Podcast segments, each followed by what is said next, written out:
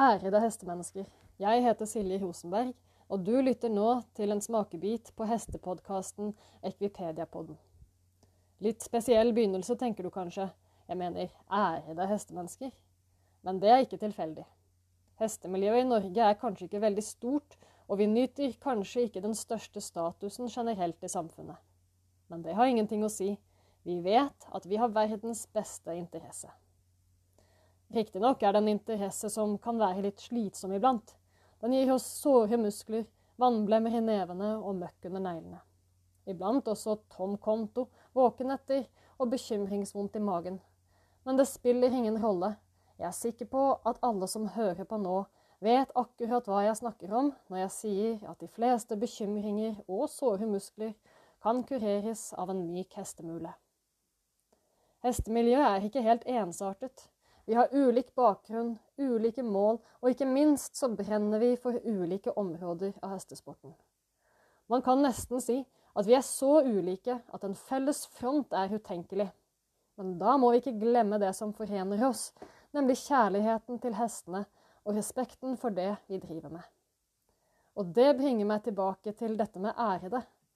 En podkast er en glimrende anledning til å snakke noen fram, og jeg snakker fram hestefolk. Vi er dedikerte, engasjerte, hardt arbeidende og lojale.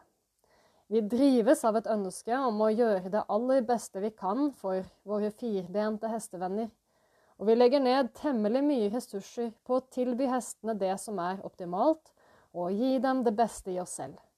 Og dette kvalifiserer mer enn nok til betegnelsen ærede, spør du meg.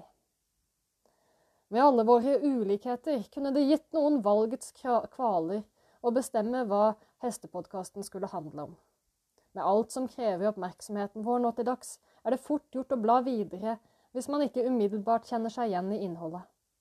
Men ved nærmere ettertanke er det opplagt hva vi har til felles, hva vi alle setter øverst på lista, nemlig hestens ve og vel, eller hestevelferd, for å si det fint. Bakgrunnen for all hestevelferd er kunnskap, og tilfeldigvis er det også sånn at jo mer vi kan og vet, jo mer skjønner vi at vi ikke kan. Og så blir vi mer ydmyke og får mer respekt for hverandre.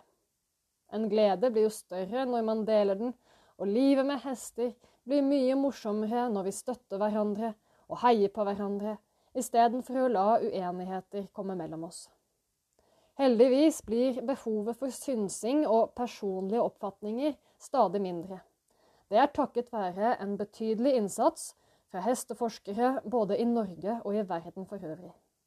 Hesteforskningen gir oss sannheter som vi ikke behøver å diskutere, men som vi med god samvittighet kan ta med oss i hesteholdet vårt, og deretter klappe oss selv og andre på skulderen for god innsats. Og så kan vi bruke tiden og kreftene våre på noe morsommere enn å være uenige. Så da er det en selvfølge at hestepodkasten skulle handle om hestens helse og velferd. I episodene som kommer, vil dere få møte mennesker som jobber og brenner for dette, hver på sin måte. I mellomtiden, mens dere venter på neste episode, kan dere gå inn på ekvipedia.no, eller søke opp hestebiblioteket Ekvipedia på sosiale medier. Her vil dere finne massevis av artikler som alle formidler forskningsbasert kunnskap om hestens helse og velferd. Det går an å bli abonnent, og således bidra til å løfte hestekunnskapen, hestevelferden og hestefellesskapet enda høyere. Vi høres!